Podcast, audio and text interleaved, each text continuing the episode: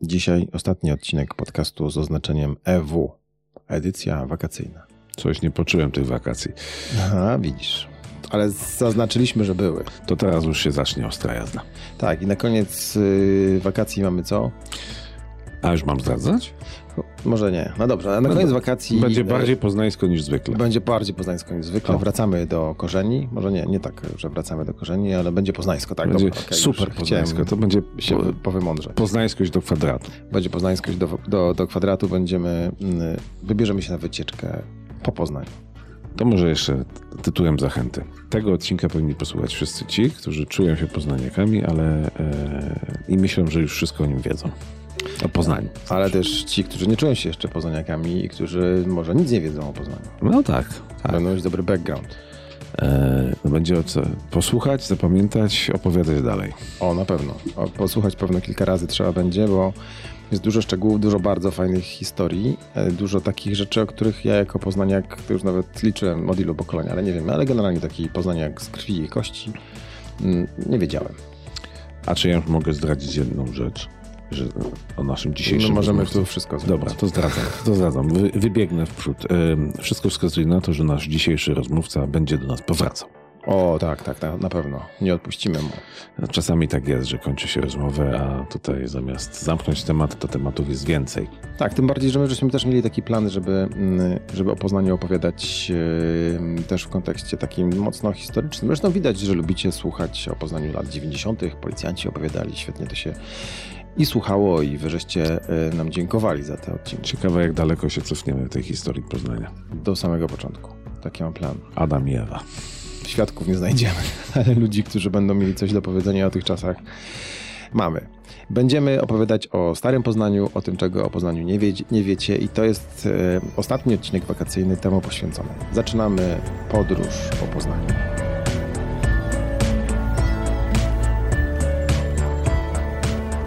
Nagranie i produkcja podcastu szumstudio.pl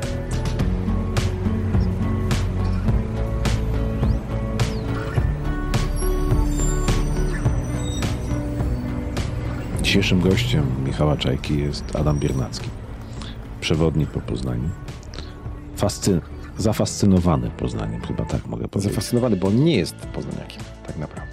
Może Ale- inaczej, nie urodził się w Poznaniu. Ale ileż on o Poznaniu wie. I co najfajniejsze, y, bardzo chętnie o tym opowiada. Zapraszamy. Gdzie stoimy? Stoimy przed budynkiem Concordii w Poznaniu. Dawnej drukarni Concordii w Poznaniu, która teraz mieści w sobie biura Concordia Design. To jest bardzo ładny budynek, zachowany wbrew pozorom prawie w niezmienionym stanie, a pochodzi No, z... odnowiony. Ale odnowiony, tak jest. No całe pięknie. szczęście, że odnowiony, bo co się dzieje? Bo teraz jest jakaś taka maniera, że coś się tam wyburza, coś tam raptem zniknie, a Poznań jest takim e, bardzo nowo wyglądającym miastem, a szkoda, prawda? No bo przecież e, Poznań to jest miasto, które zostało e, od czasów, kiedy się wprowadziły władze pruskie, bardzo ładnie, wbrew pozorom, e, zaprojektowane. Ja tak robię troszeczkę za takiego adwokata diabła, no bo my jesteśmy teraz tak cały czas pod zaborami, nas tak Niemcy nienawidzili, Prusacy nas nienawidzili. Ja na wycieczkach czasami mówię o tym, że to skoro tak bardzo nienawidzili nas Niemcy, to dlaczego było tyle mieszanych małżeństw w, A, w Poznaniu? jeszcze. Dokładnie, tak. Nie. Ale ta drukarnia Concordia, ja właśnie tak e, przewrotnie się spotykałem przed drukarnią Concordia. Czemu? Bo tam się mieścił taki e, dziennik, tam drukowano taki dziennik Poznań Tageblatt. I on na samym początku miał być taki pojednawczy, tam każdy miał przyjść bez względu na wyznanie, bez względu na narodowość, wydrukować co swoje. Tak Piękna było na początku. idea. Jaka piękna idea, prawda? Na Ile to początku te idee są tak jest. piękne. A potem było tak, że przyszedł Niemiec, wydrukował swoje, drugi wydrukował swoje, przychodzi Polak, no wiesz co stary, ale taka, no, no niestety no, numer już jest zamknięty, no może tak y, pojutrze, a może w przyszłym tygodniu i tak wiecznie nie było miejsca. Nic się nie I nic się nie Nic się nie zmieniło. zmienia. A druga sprawa to jest to, że tam zaczęto drukować takie ulotki, takie gadzinówki, mówiąc nieładnie, które wykładano w dosyć specyficznym miejscu. Jakbyśmy spojrzeli od Concordii tak troszeczkę przez skrzyżowanie, tam jest teraz e, Collegium Juridicum. Prawda? Ale tam kiedyś y, był bank, znaczy to w sumie taka kasa oszczędnościowa, taki protoplasta banku Raiffeisena. Tak? Tam widzimy na tej fasadzie ptaszki, pszczółki, A takie budynek? są. To jest dzisiejsze Kolegium Juridicum. Kolegium I Juridicum. tam był dawniej Raiffeisen Bank, jeszcze nie taki całkowicie wykształcony. Tam można było przyjść, wziąć kredyt, można było sobie pożyczyć pieniądze. Tam przychodzili polscy rolnicy w tamtym czasie, a w przyziemiu była knajpa. No i stawało się, prawda, w kolejce taki udręczony pan, który chciał coś tam załatwić. Jak już załatwił, schodził, no takie e, Dostał typowo, kredyt. Dostał kredyt. Y, takie typowo polskie skłonności do narzekania. Ach, to sobie wypije to piwo, szedł do tej knajpy, no i tam się przysiadał, taki, a wiem stary, że ci ciężko i tak dalej. I podsuwano mu takie właśnie te ulotki, które były drukowane właśnie w tej Concordii. Tak? Także no, takie, taka praca u podstaw w tym negatywnym y, tego słowa znaczeniu. Nie? Ale jakbyśmy się odwrócili w kierunku ulicy Zwierzynieckiej, tam się dopiero działy bardzo ciekawe rzeczy, bo Przechodzimy kawałek Przechodzimy kawałek dalej, ale tak się lekko cofniemy, bo będziemy szli w zupełnie e, przeciwnym kierunku. Warto wspomnieć o czym. Czemu się Zwierzyniecka nazywa Zwierzyniecka, prawda? Kiedyś to się nazywało Tiergartenstrasse No zo. do zoo, tak? Ale czy to było zoo? Prawda? My mówimy dzisiaj stare zoo, tak? Faktycznie to jest jedno z dwóch, jeden z dwóch najstarszych ogrodów zoologicznych w Polsce. Ten starszy od naszego to jest we Wrocławiu, ale nasz działa bez przerwy od samego początku, bez zmiany kwalifikacji, bo zoo wrocławskie miało dwa razy przerwę. Po pierwszej wojnie i po drugiej wojnie, no bo nie było za bardzo pieniędzy na funkcjonowanie, to był, funkcjonowało jako park, a nasz działa cały czas. Ale na samym początku to nie było zoo. To był zwierzyniec, dlatego ulica jest zwierzyniecka. To się zaczęło od tego. A zwierzyniec? Zwierzyniec, no Czyli właśnie. co? Czyli takie, taka kolekcja zwierząt. Kiedyś sobie ludzie kolekcjonowali zwierzęta. Ktoś był hrabią, miał na zamku tak, takiego złego niedźwiedzia, cały czas tego biedaka szczuli tam, żeby on był zły. A tutaj się to wzięło stąd, y, to był chyba rok 1871, że pan, który był prezesem koła kręglarzy, prawda, grali ludzie w kręgle, założyli sobie koło, miał 50 urodziny. I wpadł ktoś na pomysł, żeby mu dać zwierzątko w prezencie. Każdy mu miał dać jakieś zwierzątko w prezencie, więc mu naprzynosili tych zwierzątek. Ktoś nawet przyprowadził z tresowanego niedźwiedzia odkupionego od wędrownej grupy cyganów. Ktoś Świetny mu, pomysł mieli. Ktoś mu nawet przyniósł, tak jest, wiewiórkę i nazbierało się tych zwierząt, więc utworzono tam takie, taki ogródek, gdzie te zwierzęta eksponowano. Za jakiś czas się okazało, że potrzebne są pieniądze, tak? No to wypuszczono chyba po dwóch czy po trzech latach akcje. Yy, ludzie płacili za te cegiełki i tak powstało po, powolutku, powolutku to stare zoo w Poznaniu, które mamy teraz. One tak funkcjonowało na takiej zasadzie troszeczkę wiktoriańskiej. Yy, Starsi poznaniacy pamiętają na pewno, jak był y, lew, no to był, czy, czy jakiś inny kot drapieżny, to koniecznie za kratami, bo on jest straszliwie zły i nas na pewno pozabija, jak tylko się do niego dostanie. I niedźwiedź, tak jest, na betonie. Jak papuga, to na drążku, pewnie przykuta łańcuszkiem. No tak to było, prawda? No ale to, to te, na szczęście to już przeszło y, do przeszłości, ale jeszcze była jedna ciekawa rzecz, która się znajdowała koło tego ogrodu zoologicznego, koło tego zwierzyńca. To był pierwszy poznański dworzec kolejowy, bo my jesteśmy przyzwyczajeni do tego, że idziemy na dworzec główny. Jak sobie spojrzymy tam e, w tą całą obudowę, widzimy jeszcze ten dworzec e, pruski, prawda, z czerwonej cegły, który za niedługo zostanie zburzony, bo już e, jest podjęta decyzja, tam będzie nowe torowisko budowane. Ale Pierwsza kolej, która przyjechała ze Stargardu Szczecińskiego do nas, to właśnie ten dworzec kolejowy znajdował się właśnie tam. Dlaczego? Dlatego on się tam znajdował, y, że y, władza wojskowa, Poznań to była twierdza, prawda? Władza wojskowa nie chciała mieć w, so, w swojej twierdzy kolei. Czemu? Jeszcze to jest przecież początek, y, to jest połowa XIX wieku.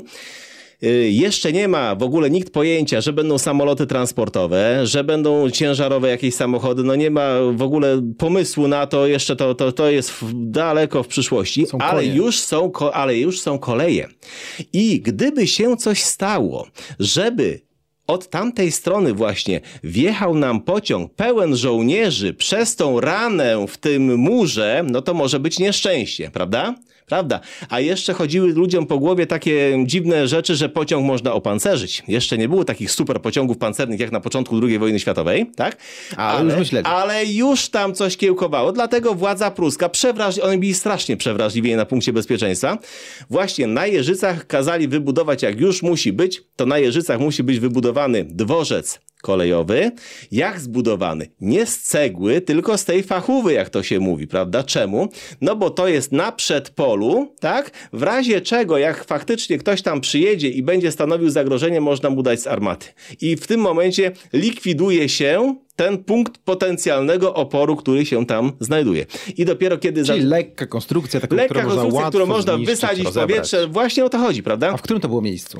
To było właśnie. gdzie to, zajezdnia? To jest, bar, nie, to jest bardzo łatwo określić. Kiedy sobie staniemy na chodniku i będziemy mieli bramę wejściową dworca, y, bramę wejściową y, Starego zo, zoo. starego zoo po naszej lewej stronie, spojrzymy wprost, jesteśmy dokładnie naprzeciwko tego dawnego dworca. Dlatego, że ludzie jak wychodzili z pociągu, to mieli ten zwierzyniec zaraz obok. Mieli taką atrakcję, taki fajny park, prawda? Jeszcze grała orkiestra i było całkiem przyjemnie przyjechać do Poznania.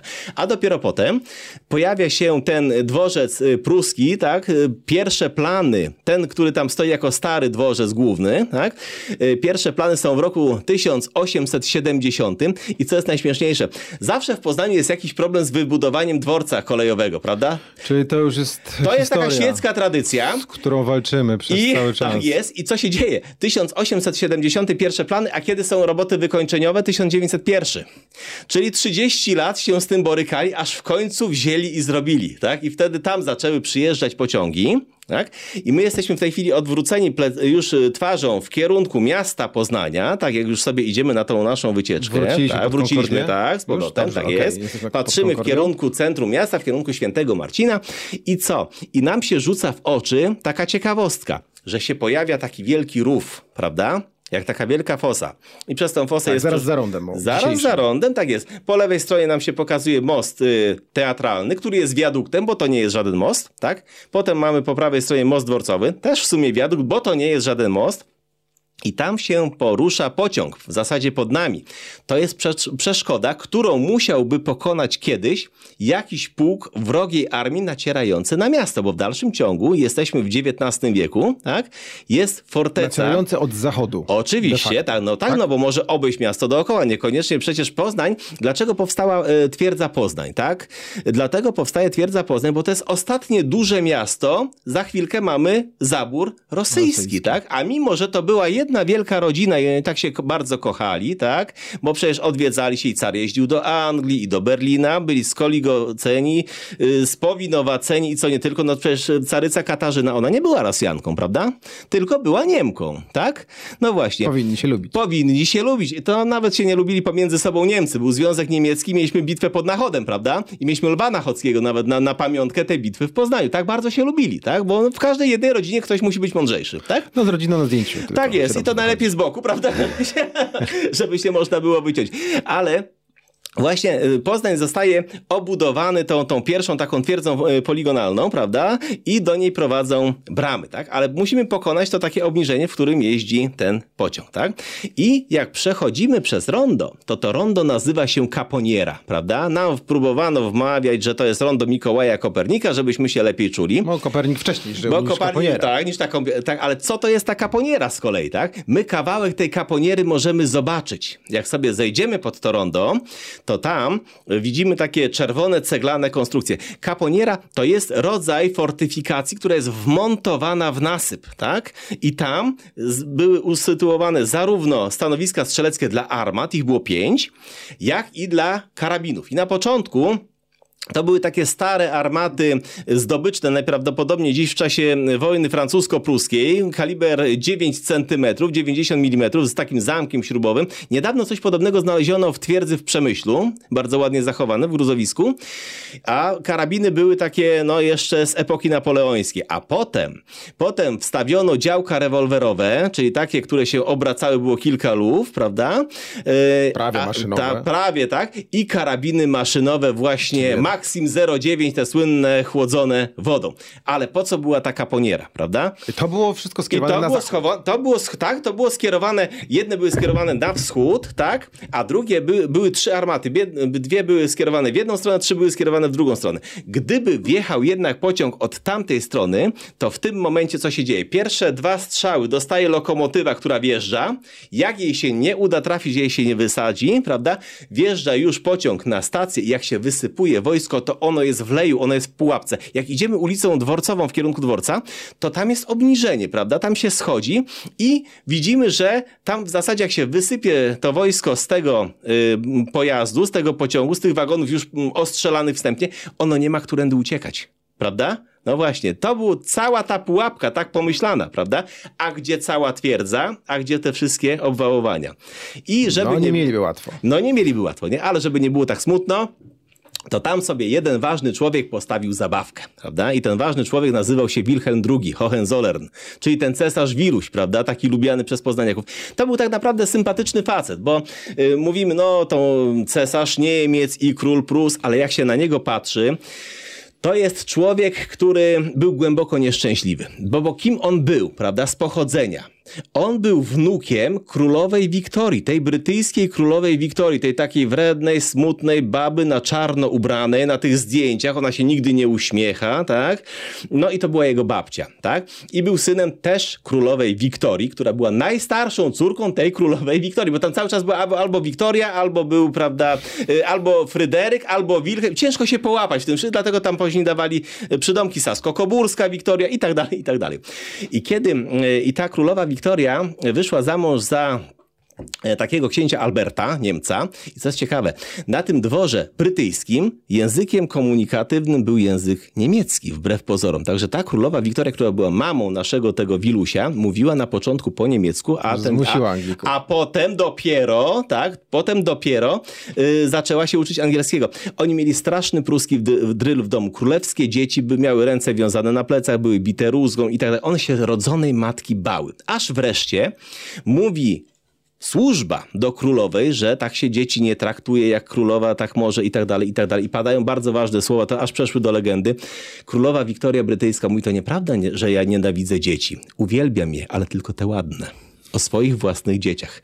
Więc co się robi? Robi się PR i w jednym z pałaców urządza się takie miejsce, gdzie się dzieci bawią królewskie, pieką sobie torciki i tak dalej. Te te- ładne. te ładne, tak jest, i się fotografuje, żeby, żeby ocieplić tą, ten wizerunek, prawda? To już y, kiedy? XIX wiek, prawda? I wreszcie ta najstarsza córka, Wiktoria, wychodzi za mąż za Fryderyka, wyjeżdża do Niemiec, tak? On był następcą y, tronu i ma święty spokój od matki. I rodzi się pierwsze dziecko, prawda? Sensacja, następca tronu, będzie chłopczyk i tak dalej. Tylko, że za jak... przebiega bardzo ciężko.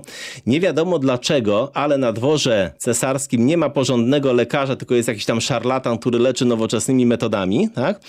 I to dziecko o mało nie umiera. Wilhelm II przyszły o mało nie umiera przy porodzie. On jest dosłownie wyszarpnięty. On się o mało nie udusił. Fakt, że była fachowa akuszerka, tam go sprała tak, że zaczął płakać. Ożył. Ożył, prawda? Nie, nie udusił się. No ale po jakimś czasie okazuje się, że co? Że nie rośnie mu e, lewa ręka, prawda? Nie rośnie mu lewa ręka. To ten nasz Wilhelm? Ten nasz Wilhelm, prawda? I jest niewładna. My dzisiaj wiemy, że to jest tak zwany niedowład erba. Oni mu przy porodzie uszkodzili nerwy. Tak? Dlatego tak to, no dzisiaj, dzisiaj są metody leczenia, rehabilitacji i tak dalej. Jak leczyli tego dzieciaka? Przy nim zabijali królika, owijali tą świeżą tuszką tą rękę, prawda? Żeby ta siła życiowa przeszła. Y, Montowali mu jakieś stelaże, naciągali mu to śrubami, a matka się go wstydziła przed rodzoną matką. Czyli matka się go wstydziła przed babcią. No matka miała jasno Tak. zde- zdefiniowane swoje podejście tak, do dzieci. Właśnie o to chodzi. I teraz y, rodzą się następne dzieci, a on jest takim popychadłem. Zostaje oddany na służbę takiemu apodyktycznemu nauczycielowi, a potem zaczyna go wychowywać armia. I kiedy jego ojciec, y, Fryderyk, umiera na raka, bo on był tam raptem parę tygodni, cesarzem Niemiec, lud wybiera Wilhelma przez aklamację. Nawet nie było wyboru, nawet nie było jakichś tam specjalnych tego. I w tym momencie on mówi, no to teraz ja wam pokażę. I wybiera sobie Poznań jako takie miejsce zapuszczone, i robi z niego takie modelowe, jak gdyby miasteczko niemieckie, takie ładne, zaczyna go sobie przerabiać i dlatego buduje sobie zamek.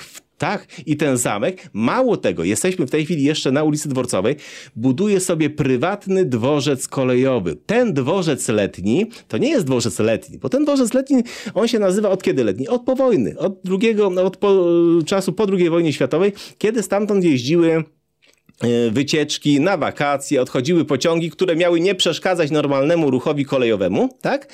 Tylko y, właśnie tam było wygodnie. Ale ten dworzec, który jest y, teraz tak ładnie odrestaurowany, na początku, takie prapoczątki początku, ta bocznica kolejowa powstaje w roku 1902, a tak ukończono go w 1913. I jak się przyjrzymy tej pięknej konstrukcji, bardzo ładnie zachowanej, to ona jest dokładnie tak długa, jaki był pociąg cesarza prywatny, tak? A zadaszenie jest o tyle krótsze, o ile długa była lokomotywa, żeby lokomotywa nie dymiła pod dachem. Wychodził niezależnie od pogody cesarz, witała go muzyka, prawda? Tam po lewej stronie był salon, do tej pory tam wisi żyrandol, który był, jest autentyczny. Po prawej stronie taka poczekalnia, była toaleta, podgrzewana podłoga i tak dalej. Pytanie, po co cesarzowi coś takiego? Przecież on ani nie będzie czekał w tej poczekalni, bo to pociąg czeka na niego, a nie on na pociąg, tak?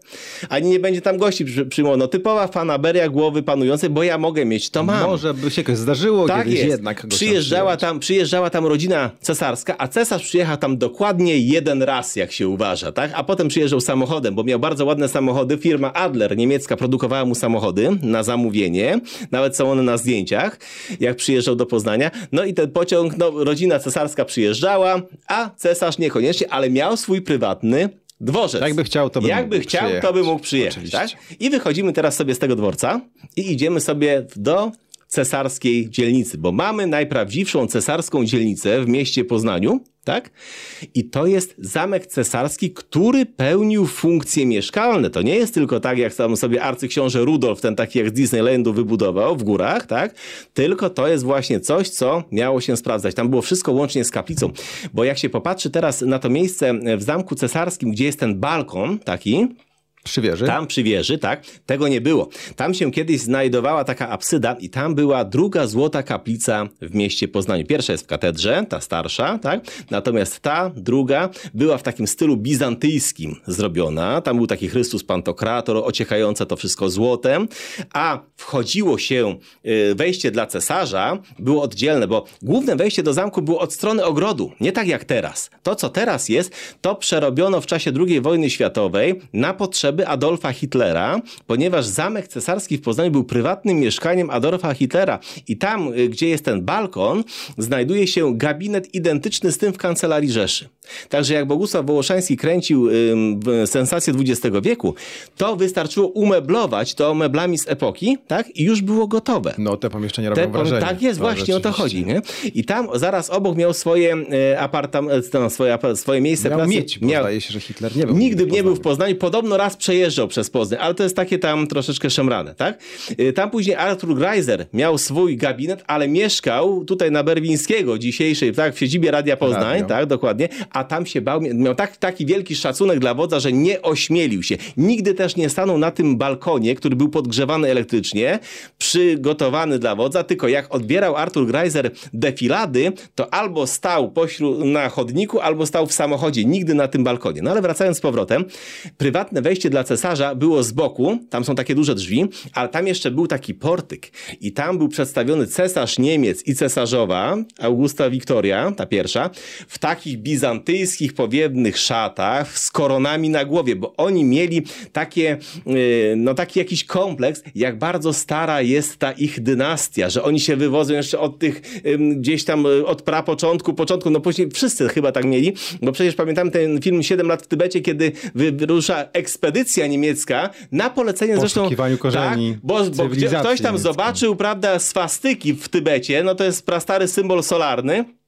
że to tam jest, no i że to może stamtąd, prawda? Z kolei takie zainteresowania miał Heinrich Himmler, który przyjeżdżał do Poznania, też jest sfotografowany na tym placu, bo jego ojciec był nauczycielem, uczył go literatury i karmił go tymi wszystkimi walkiriami i tak dalej, więc on już się tak najadł tego wszystkiego, że wysłał tą ekspedycję z kolei do Tybetu. Tak samo bzdurne, prawda? No ale chociaż jakoś tam tą wojnę przeżyli. Yy, I kiedy yy, stoimy na tym placu, yy, dzisiejszym placu Mickiewicza, tak, który tam troszeczkę zmieniał nazwy, to znajdujemy się w tym tym centrum dzielnicy cesarskiej, prawda? I bardzo ciekawy, wbrew pozorom najciekawszy budynek to jest ten y, budynek, który dzisiaj my nazywamy Kolegium Minus, tak? To jest budynek y, Akademii Królewskiej. Skąd on się w ogóle wziął, prawda? On jest taki zupełnie inny, tak? Niż cała reszta, bo inna, cała reszta jest taka toporna. Warto zwrócić uwagę, Kolegium Minus, czyli dzisiejsza aula Dzisiaj, tak, Budynek tak, tam, gdzie tak, tam gdzie, gdzie się u, no, odbywają na przykład koncerty y, Wieniawskiego, prawda? No to jest Kolegium Minus. I skąd on się bierze? On się bierze stąd, że Poznań przez bardzo długi czas nie ma uczelni wyższej. Kiedyś tam była Akademia Lubrańskiego, która nigdy nie osiągnęła tego statusu, co powinna, potem trochę jezuici, Kolegium Jezuickie, ale na początku XX wieku wreszcie Poznań chce mieć, mimo że jest tą fortecą, prawda, no jakie, jakąś szkołę wyższą, chociaż, chociaż jedną, tak? I jest taki fajny, e, to jest właśnie taki paradoks e, tego, e, tego, tej niemieckości, prawda, że jesteśmy tak gnębieni przez Prusaków. Nad burmistrzem Poznania jest Czyli taki... to Niemcy chcieli tą szkołę. Tak, tak, ale uwaga, kto ją wywalczył, tak? Był taki człowiek, który się nazywał Richard Witting, prawda? Był nadburmistrzem miasta Poznania, czyli Richard Witting, nadburmistrz miasta Poznania, taki straszny i w ogóle, prawda, z Berlina przyjechał. Tak naprawdę Richard Witting nazywał się Ryszard Witkowski i był Żydem.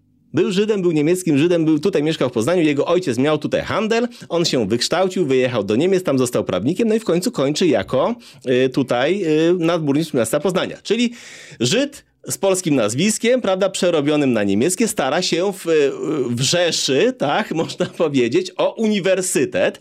I ten uniwersytet y, ma w założeniu takie, że nie będzie kształcił Polaków, y, Żydów i Rosjan. Taki ma być bardzo niemiecki. Tylko, że z jednym z głównych y, wykładowców jest profesor Adolf Warschauer, który jest Żydem właśnie, tak?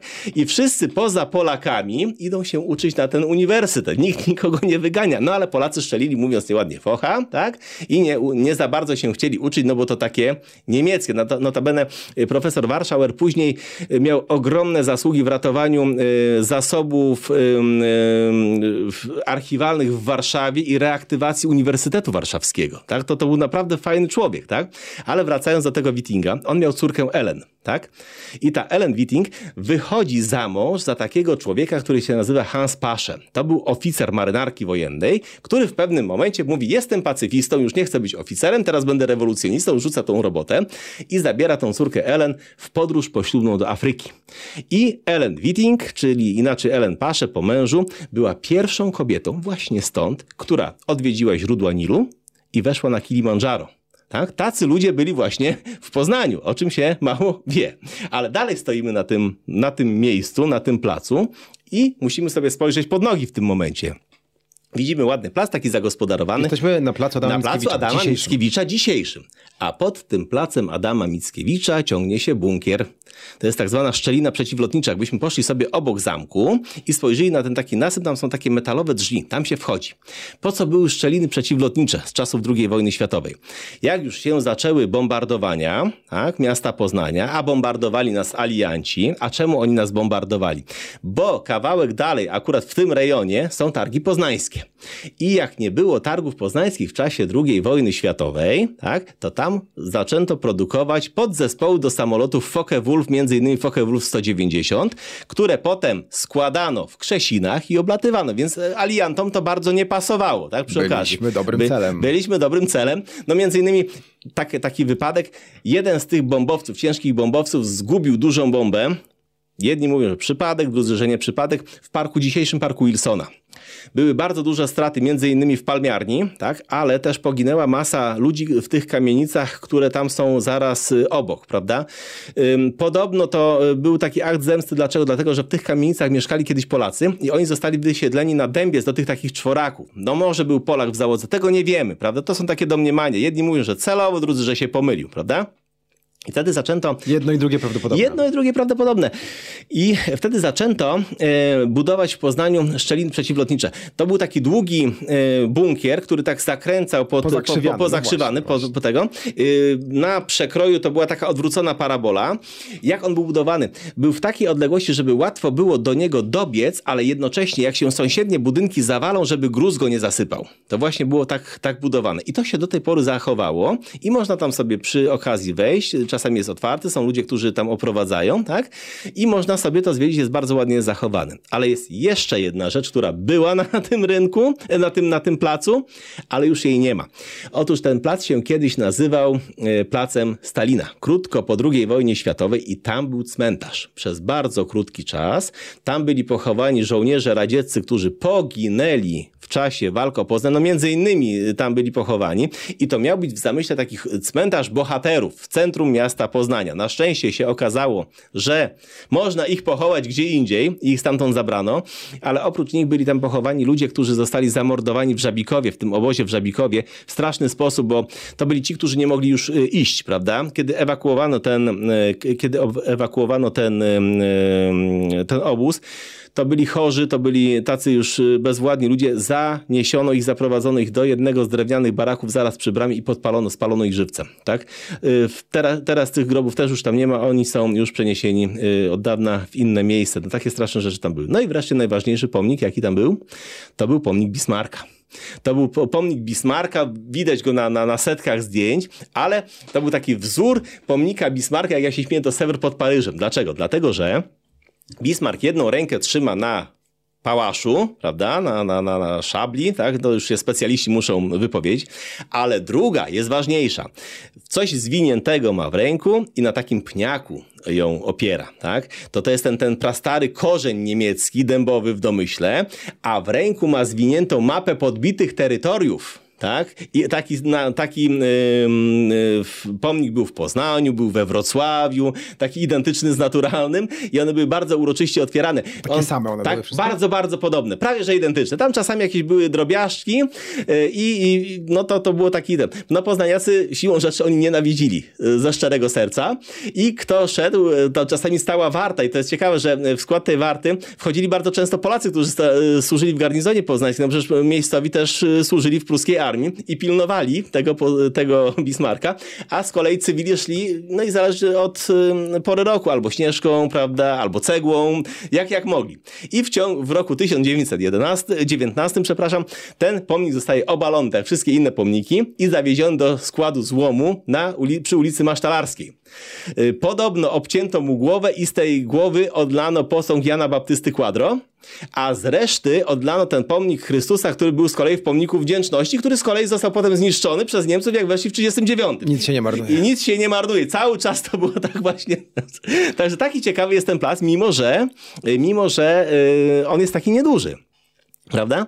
Naprzeciwko tego placu jest dzisiaj Aula Nowa. I mało kto wie, że mało brakowało, żebyśmy tam mieli katedrę w Poznaniu. Dlaczego? Dlatego, że przyjeżdża po II wojnie światowej prymas August Chlont do Poznania, patrzy na tą zrujnowaną katedrę poznańską i mówi, no tak, to my tutaj sobie zrobimy taką malowniczą ruinę, bo się w Anglii na przykład naoglądał czegoś takiego i gdzie indziej, tak, trawa posiana i tak dalej, a nową katedrę to sobie wybudujemy w Śródmieściu. No Śródmieście, jedno, jedyne miejsce było właśnie tam, tak? Notabene po sąsiedzku z dawnym domem No, ewangelickim. reprezentacyjne. Tak, takie reprezentacyjne miejsce. I kto broni? Komuniści bronią yy, katedry poznańskiej, bo od tych wstrząsów pospadały tynki. My sobie jeszcze tam po, będziemy później yy, opowiadali o tej katedrze i odsłaniają się wątki romańskie, wątki gotyckie, yy, malowidła i tak dalej. No i i się okazuje, że nie, że odbudowujemy. No potem kardynał Klont umiera w 1948 roku i kardynał Wyszyński prowadzi tą regotyzację katedry, doprowadzając ją do całkowicie dziwnego wyglądu, który w ogóle ta katedra nigdy w historii tak nie wyglądała. No ale teraz mamy katedrę regotyzowaną, chociaż hełmy nie są, hełmy na wieżach wcale nie są gotyckie, tak? Tylko są takie ni to, ni to barokowe, ni to jakieś tam, no ale drugiej takiej katedry w Polsce nie mamy. Zresztą jak się spojrzy w środku, to ona jest taka trochę nierówna, trochę krzywa, bo y, kiedy zaczęto prowadzić badania archeologiczne, to y, okazało się, że archeolodzy zniszczyli troszeczkę więcej niż y, sama wojna, bo się podkopali pod jeden filar i zawaliła się ta część nawy, która jeszcze, nawy głównej, która jeszcze się nie zawaliła, zawaliła się nawa północna i jedna z tych wież, które tam są, z tych trzech małych wież. No, ale teraz no, już było, szło to wszystko do przebudowy, no to PAL 6. Mamy równą, ładną katedrę. Katedry tak nie wyglądają przecież, prawda? Katedra jak jest stara, no to ona obrasta w historii, w różne tam dodatki i tak dalej. Nie No, jest ale taka ładna, no nie właśnie. jest taka ładna. No, Wawelska katedra przecież jest idealnym przykładem. Jak się tam wchodzi, to jest strokacizna kompletna, prawda? Zapędziliśmy się aż do No. katedry. Wracamy. Wracamy z powrotem. Jesteśmy, przechodzimy sobie obok zamku I gdzie jesteśmy? Jesteśmy Opera Narodowa, prawda? Opera Narodowa w Poznaniu, teatr y, wielki, no y, cała, pamiętam, kiedyś była cała dyskusja w biurze u nas y, w PTTK, jak się prawidłowo powinno na to mówić. No wszyscy i tak mówią opera. Opera. tak? opera. Dla Poznaniaka to będzie Dla opera. po, poznaniaka to jest opera najważniejsze, że poznaniak wie, że to jest opera. I ta opera to jest w ogóle kuriozum, prawda? Bo to jest część tej dzielnicy cesarskiej, tak? Y, Ale jak ona powstaje? Jest taki konkurs i pojawia się młody architekt. On się nazywa Max Littmann. I konkurs jest kiedy? Konkurs jest, to jest na samym początku, ona powstaje w, rok, w latach 1910 w zasadzie. Początek XX Początek, bo to jest cały, cały ten y, firtel, mówiąc po poznańsku, jest zabudowany dokładnie w tym czasie. Kiedy y, brama berlińska, która się znajdowała, myśmy nawet mogli niedawno widzieć fragmenty tej bramy berlińskiej, jak święty Marcin był rozkopany, to na skrzyżowaniu świętego Marcina i ulicy Kościuszki był taki wielki wykop. Tam się znajdowała kiedyś brama berlińska w tym właśnie miejscu. I tam do tej pory pod ziemią znajdują się takie wielkie cegły, kamienie. Ona została y, zburzona mniej więcej w roku 1901.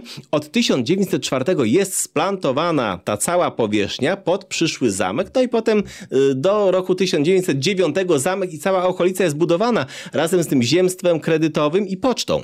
Czyli to był cały kwartał wyburzony domów? Tam nie, nie, nie, tam nie było nic. Tam nie było nic. tam były jakieś takie małe domki, może Marceli Motty opisuje, że tam były takie jednopiętrówki i coś takiego, bo tam się miasto po prostu tak płynnie rozchodziło, ale kiedy Niemcy budują twierdzę, to tam jest wał. Tam jest wał i tam jest taka ogromna brama wjazdowa. Na początku była jednotraktowa, potem w latach, to były lata 60. XIX wieku, yy, przebudowano ją na dwutraktową, dlatego że już było ciężko się poruszać, ale tam były umocnienia obronne. Także jak się jakiś domek tam się pojawił, no to tam nie, nie za bardzo był mile widziany.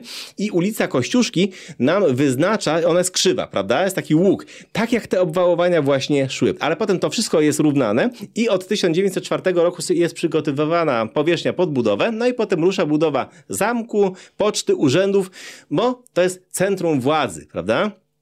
Ale jest jeszcze właśnie ta opera, no bo i, ten, i ta Akademia Królewska, tak? Bo też szerzymy oświatę, tak? I szerzymy, co jeszcze? Sze- sze- Szerzymy kulturę. I zgłasza się ten młodziutki Max Littmann, który dopiero co się ożenił, tak? I mówi, ja wam wybuduję operę, momentalnie wam wybuduję. I on dotrzymuje słowa. On tą operę wybudował w 18 miesięcy. On jest y, architektem, bardzo zdolnym. Jaki jest sekret, że on tak szybko to wybudował? Jego żona miała ojca, a ten ojciec miał fabrykę materiałów budowlanych.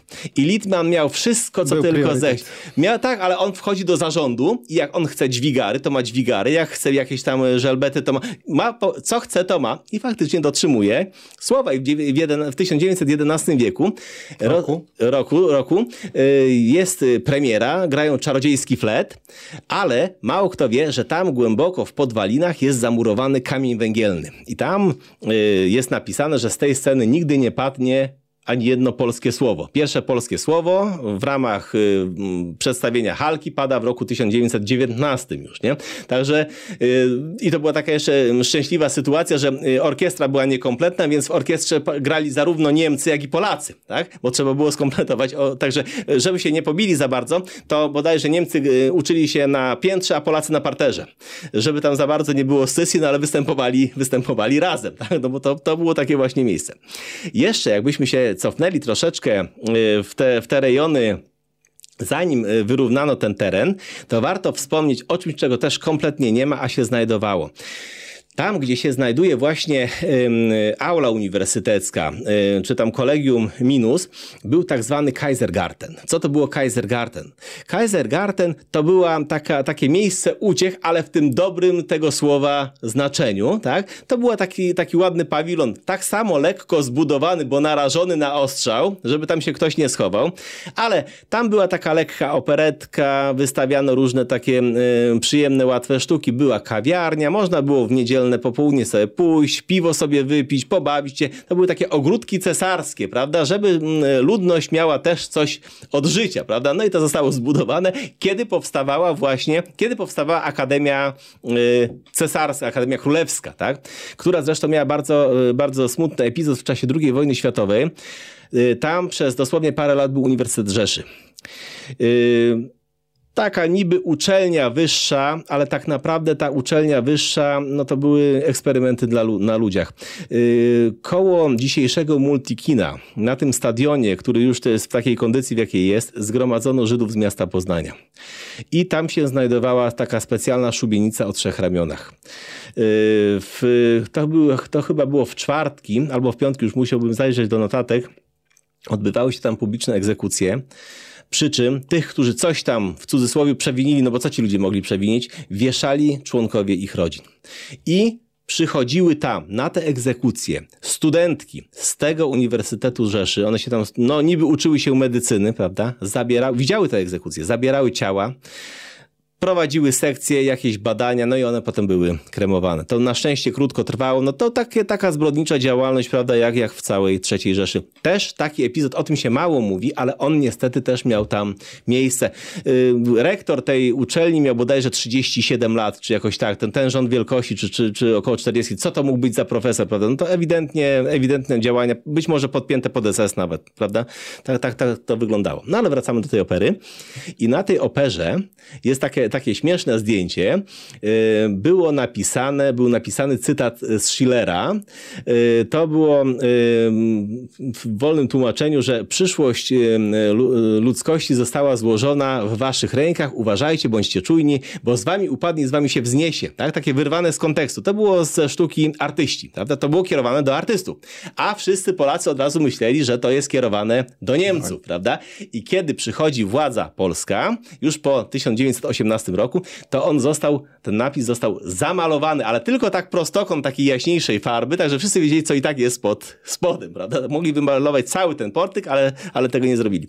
No i y, w czasie II wojny światowej tam się odbywały też takie imprezy, y, z, na przykład z, przyjeżdżał do Poznania y, Goebbels, prawda, albo Himmler i na ty, są takie zdjęcia, y, gdzie y, dziewczynki z warkoczykami, takie aryjki, takie blondynki dają panu Goebbelsowi kwiatki i pan Goebbels bardzo się cieszy, prawda, że one tak dobrze się prezentują.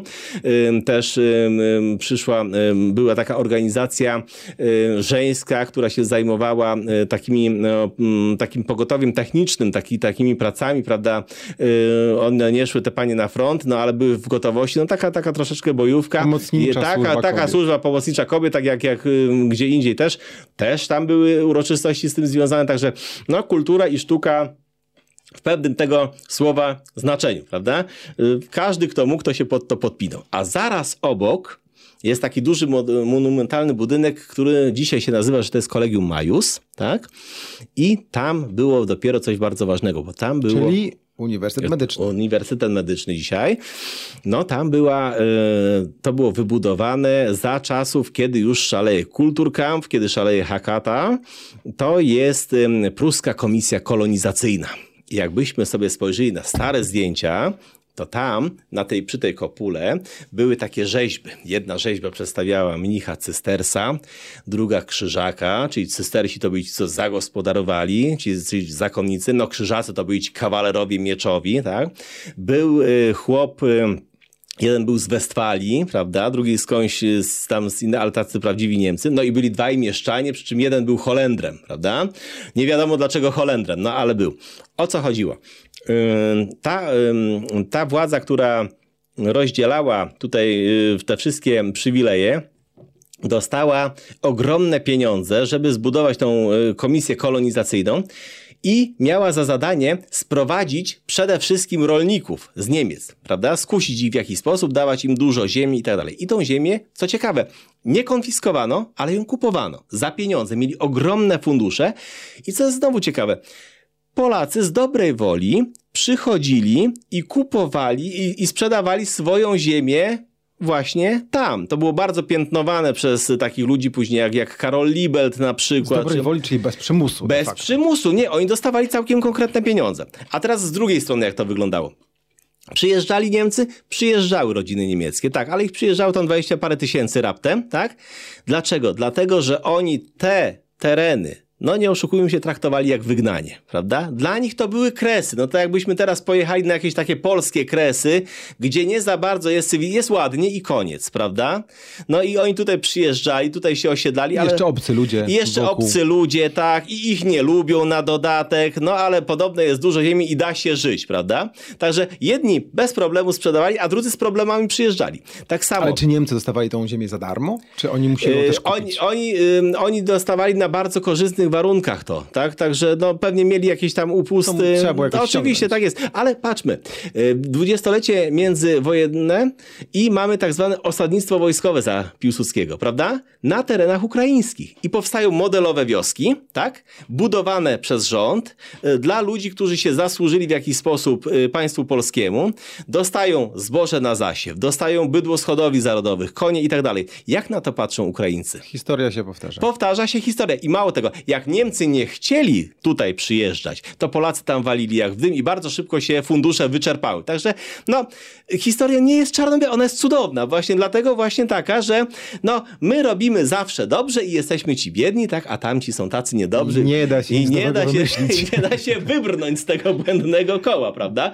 No ale no, później, później już się kończy ta e, pruska komisja kolonizacyjna i mamy tam teraz uniwersytet, a zaraz obok jest kościół. Prawda? Jest taki ładny kościół neogotycki. To jest ciekawa historia, dlatego że kiedy budowano ten kościół, to kierownik robót stracił pracę. To są lata 60. XIX wieku. I dlaczego on stracił robotę? On stracił tą pracę dlatego, że miał duże opóźnienia. On się tłumaczył w ten sposób, że pod prezbiterium znaleziono konstrukcje drewniane. Tam mógł być jakiś grudek. Jeszcze z dawnych czasów, może mieszkowych, może coś, nie wiem, bo to zostało szybko wybrane. I czym zostało zasypane?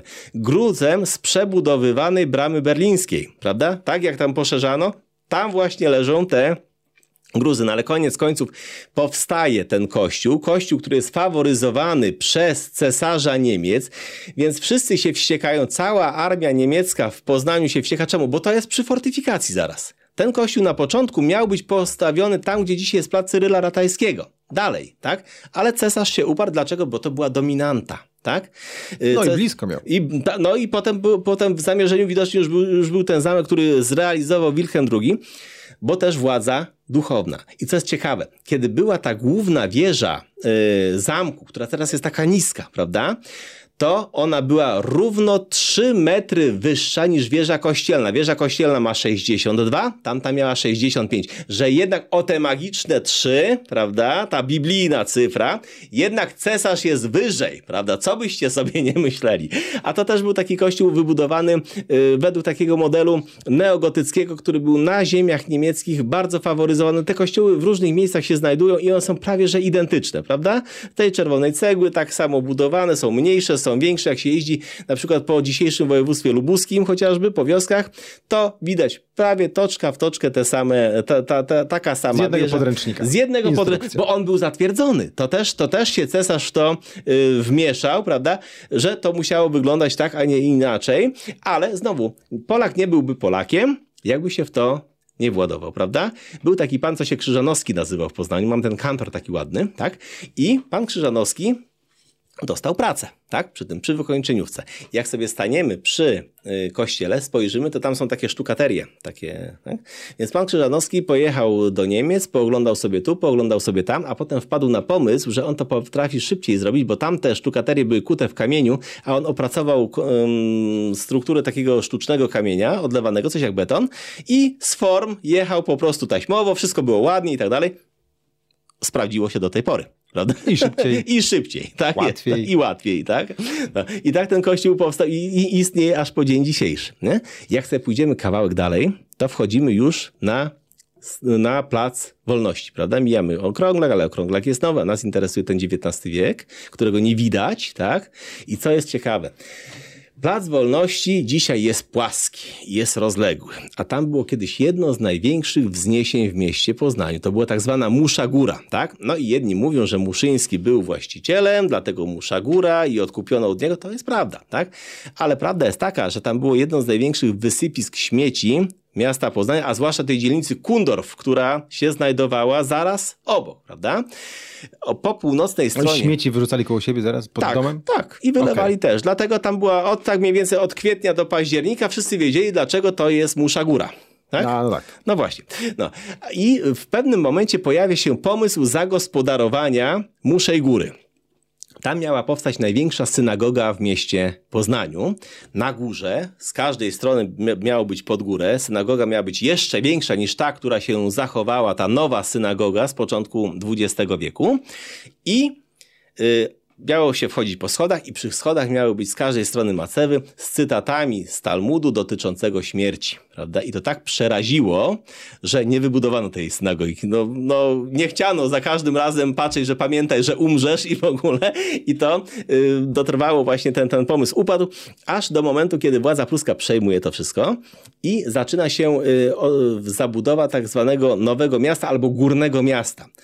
Zostaje góra splantowana, powstaje ten plac. No i my dzisiaj wiemy, że to jest plac wolności. On w ogóle, ja się śmieję czasami, bo mm, jest porównywany do, do placu zwycięstwa w Warszawie, czy teraz to jest plac Piłsudskiego, ale mniej razy zmieniał nazwę.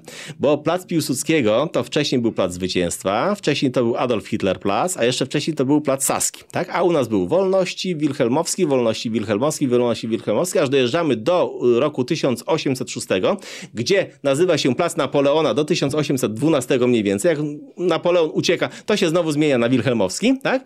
E, No i, i, poznaniacy mają ten plac jako taki bardzo praktyczny aż do tej pory, bo nie dość, że on służy komu? Ym, wojsku, bo to był główny plac alarmowy dla armii, tak? Jak były nadwyżki armii jakiejś, które się nie miały gdzie pomieścić, to tam rozbijano namioty. Mało tego, tam prowadzono ćwiczenia z bronią palną, ale z bronią ręczną, prawda? Bo ćwiczenia z armatami prowadzono na placu działowym, z którego dzisiaj została nam ta ulica działowa, taki wąski pasek, tak, wycięty z tego placu, no bo cały plac działowy poszedł już tam pod y, inne cele. A tutaj właśnie y, prowadzono, y, prowadzono y, działania właśnie takie szkoleniowe. Tylko pytanie, no oni musieli z jakiejś ślepej amunicji, prawda, strzelać. Chociaż Marceli Motti pisze, że on kiedyś szedł y, właśnie tym placem wilhelmowskim, albo on używa teatralny, no bo tam był teatr przecież, kiedyś taki drewniany, stary teatr, bez ogrzewania. Y, Potem postawiono tą arkadię, która jest, tak? Y, I y, mówi, że minął go żołnierz, młody żołnierz niemiecki, który się zastrzelił za jego plecami ze służbowej broni i go nie odratowano, tak? Czyli oni jednak musieli tą broń nosić przy sobie załadowaną. Tak? Jak się rozejrzymy teraz po tym placu, to kolejna rzecz, której nie widać, to tam się znajdowało do, według różnej numeracji. Jedne y, Plac Wolności, powiedzmy, czy Plac Wilhelmowski 8, y, a czasami też się spotyka numer 6, bo się zmieniała numeracja. Tam było jedno z najnowocześniejszych kin w Europie. Przed II wojną światową. Y, mm, Tam się znajdowało, to był kinoteatr Słońce. Był taki pan, który się nazywał Kałamajski. On się dorobił potężnych pieniędzy na handlu różnego rodzaju galanterią, ubraniami i tak. Miał swój sklep w tej samej linii, tylko że bliżej hotelu Bazar i buduje sobie kino. Bo miał taki pomysł, że on sobie zbuduje kino. Zresztą ścigał się ze swoim szwagrem, który zbudował co prawda większe kino, tam gdzie dzisiaj jest e, kino Apollo. To było taki no, pierwszy multiplex w Poznaniu, bo on był sprzężony z dwóch, prawda? Było kino Apollo i kino, e, i kino Metropolis, tak? Miały wspólną komorę projekcyjną, tak? Ale Kałamajski idzie dalej. On sobie buduje kinoteatr. I taką rewelacją, która tam było, to były organy kinowe systemu Wurlicera, tak? To są takie organy wurlicerowskie, które nie dość, że one grają, prawda? To jeszcze naśladują wichurę, wystrzały i tak dalej. Więc jak siedział ten organista O, i był film, no to jak była strzelanina na Westerii, to była strzelanina na Westerii, to było słychać, prawda? To było piękne kino zniszczone w czasie II wojny światowej, już go nie odbudowano, ale odzyskano aparaty projekcyjne, niemieckie aparaty projekcyjne, które się zachowały pod gruzami w bardzo dobrym stanie i one w kinie Apollo służyły do roku 1971. Tak dobry sprzęt, prawda? A niedawno, w trakcie, odbu- tam teraz jest kamienica remontowana, jest taka przebudowa, w podziemiach znaleziono elektrownię, która tam funkcjonowała, zasilała to wszystko, prawda? Cała masa sprzętu się y, zachowała, łącznie tam z przyłączami y, do paliwa i zachowała się y, tablica rozdzielcza z białego marmuru. Tak, także to jest w tej chwili w konserwacji. Mam nadzieję, że to gdzieś będzie można by zobaczyć, tak?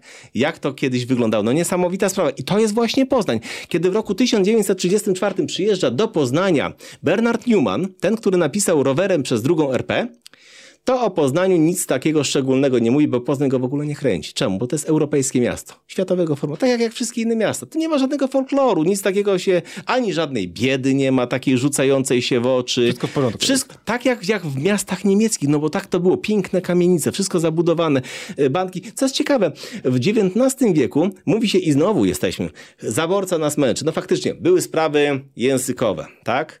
E, Były sprawy związane ze szkolnictwem, ale jak ktoś chciał zarobić w XIX wieku w Poznaniu pod zaborem pruskim, to zarobił. A Cegielski kiedy wybudował swoją fabrykę, prawda? I nikt mu nie zabraniał, bo Prusacy wychodzili z założenia takiego, jak zarabia, to płaci podatki, im więcej zarobi, tym więcej zapłaci. Po co mu przeszkadzać?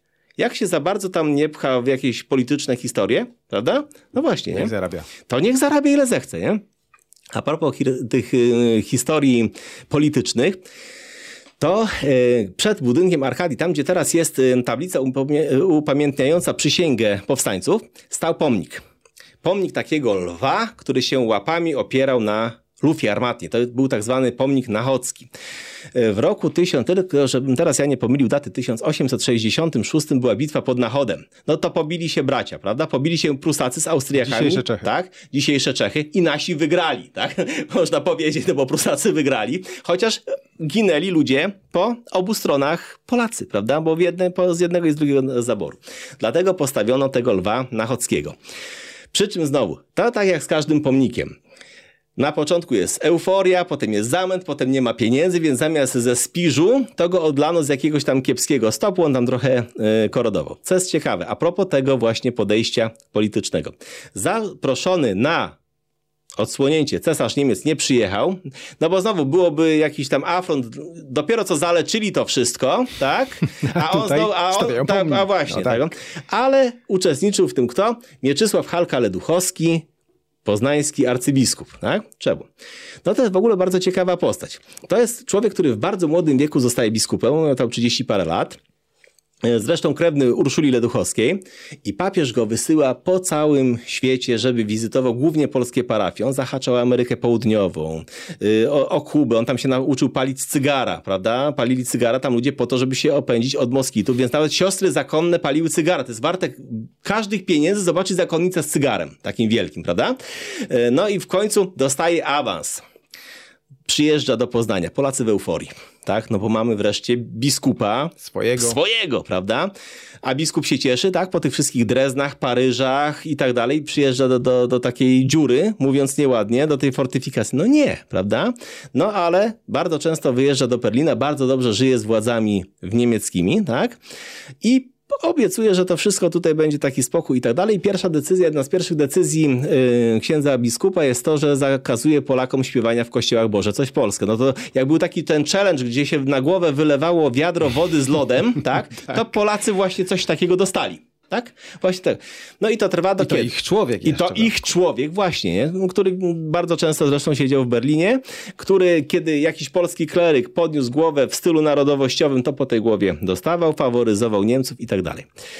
W pewnym momencie kulturkampf się nasila, no i dochodzi do tego, że trzeba y, uczyć dzieci religii po niemiecku. To w sumie co mu to zależało? No jeżeli ktoś jest wierzący, to ja w jakim języku się nie pomodli, to i tak go Pan Bóg zrozumie. No ale biskupowi nie, pod, nie pasowało. I to było pierwsze non possumus w historii, bo my pamiętamy to non possumus Wyszyńskiego, prawda? A to właśnie to było pierwsze. I tu się kończy ta szorstka męska przyjaźń pomiędzy cesarzem a biskupem i biskup zostaje wysłany do więzienia w Ostrowie Wielkopolskim. I kiedy biskup sobie siedział w więzieniu w Ostrowie Wielkopolskim, to naprzeciwko, w okolicy tego więzienia w domu mieszkał sobie taki mały chłopczyk, prawda, który jak już dorósł i się wykształcił, to został też biskupem, potem arcybiskupem, potem kardynałem, nazywał się Edmund Dalbor i mieszkał znowu na Ostrowie Tumskim, prawda? No ale trzeba wyciągnąć Leduchowskiego z więzienia. Co tutaj zrobić, prawda? Można zamknąć do więzienia biskupa? Można. A arcybiskupa? Też można. A kardynała? Nie można, bo to książę. Ale Leduchowski nie jest kardynałem, prawda? Trzeba go mianować kardynałem, więc papież kreuje go kardynałem, no ale trzeba dołożyć tutaj ten cały rytuał, bo on musi rozwinąć, dostać dokument, przeczytać, wyrazić zgodę, tak? I zgodzić się i wtedy jest kardynałem. Do arcybiskupa jeszcze, do kardynała nominata, jedzie pewien młody ksiądz w odwiedziny do więzienia. Wchodzi do celi, daje mu laskę i tam mu pokazuje, żeby on ją sobie... Czytaj. Czytaj. Laska jest rozkręcana, w środku jest pręt, na pręcie jest nawinięty dokument, kardynał się zgadza, no i musi zostać wypuszczony, tak? Zostaje po jakimś czasie zwolniony, no ale Prusacy mówią, jesteś persona non grata, wynocha do Rzymu i tak się dzieje. Więc teraz kardynał jest już bardzo dobrym polskim patriotą i w duchu patriotycznym kształci młodych księży w Watykanie, prawda, w Rzymie, tak? Aż w zasadzie do swojej śmierci. Jednym z jego głównym uczniów był taki młody ksiądz, który się nazywał Sapiecha. On potem był kardynałem w Krakowie, no a z kolei jego uczniem był taki młody ksiądz, który się nazywał Wojtyła. Tak? I tutaj się już historia O, to zamyka. głęboko sięgamy. Tak, że tak, już tak, już, już aż tak, prawda? Aż tak. No ale takie, takie właśnie były ciekawostki odnośnie takich, no, śmiesznych, nie wiem, czy, czy nie śmiesznych. Kult y, kardynała był taki silny, że kiedy on umarł, prawda, no został pochowany na początku na Campo Verano w Rzymie, dopiero potem go e, przywieziono do Poznania, jest tam pochowany w katedrze poznańskiej. No, zbierano po nim pamiątki. I pojechał pewien człowiek do więzienia w Ostrowie Wielkopolskim i poprosił miotłę, którą kardynał zamiatał swoją celę. Bo jednym z takich upokorzeń było to, że on musiał tą celę sam, pozamiatać. Dostał tą miotłę, najp- najpierw dał ją swojej matce, to był hrabia Skórzewski, a ona potem przekazała ją do Muzeum tutaj archidiecezjalnego w Poznaniu. Tylko, że to było przed wojną. Ja rozmawiałem parę razy w tej sprawie, ale ta miotła się nie zachowała. No może jak ratowano w czasie II wojny światowej te wszystkie precjoza, to kto zwraca uwagę na taką miotłę? Kto by pomyślał, prawda? No ale też takie rzeczy się zdarzały odnośnie kardynała. No tak, miotło się pewno na końcu wynosi. To prawda. Kończymy e, na Placu Wolności. Kończymy na placu. Zagadaliśmy się straszliwie, ale to dopiero początek tej naszej wyprawy po Poznaniu. Dopiero początek, dlatego że Plac Wolności to jest taki węzeł i z tego Placu Wolności możemy Liznęliśmy sobie... tylko centrum. zahaczyli troszeczkę. Zahaczyliśmy troszeczkę o centrum. To jeszcze tak szybko na koniec. E, po tej całej wielkiej, długiej wędrówce po Poznaniu, w najbliższej okolicy placu, dzisiejszego Placu Wolności, restauracja, do jakiej byśmy się udali? Ja bym się udał gdzieś indziej, mianowicie niedaleko Placu Wolności otwarli nam kociaka wreszcie i tam jest bardzo fajny zwyczaj pójść sobie na kawę, na coś słodkiego, ale można ufundować człowiekowi, który na to, no, którego na to nie stać, taki poczęstunek i przybić to na takiej specjalnej tablicy, do czego każdego zachęcam. A to jest kultowy jednak, kultowa cukiernia. I tym kończymy. E, chodziło mi o e, knajpę z XIX wieku. Doszliśmy do knajpy z XX, XX wieku, ale z wieku. XIX też była i powiemy następnym razem, bo była bardzo blisko tego placu. Opowiemy na pewno. Bardzo Tobie dziękuję. Bardzo serdecznie dziękuję. E, Pierwsza e, wycieczka po Poznaniu dobiegła, do, dobiegła końca. Ja też tutaj siedziałem z otwartą gębą, brzydko mówiąc, słuchając Ciebie i pewno mógłbym tak długo siedzieć. Nie kończymy. Moim gościem był Adam Biernacki, przewodnik PTTK z koła przewodników imienia Marcelego Mottego w Poznaniu. Cały Twój tytuł do końca wyczytałem. To tak trzeba, bo tak mi powiedzieli, że tak będzie dobrze. Do usłyszenia następnym razem. Do usłyszenia.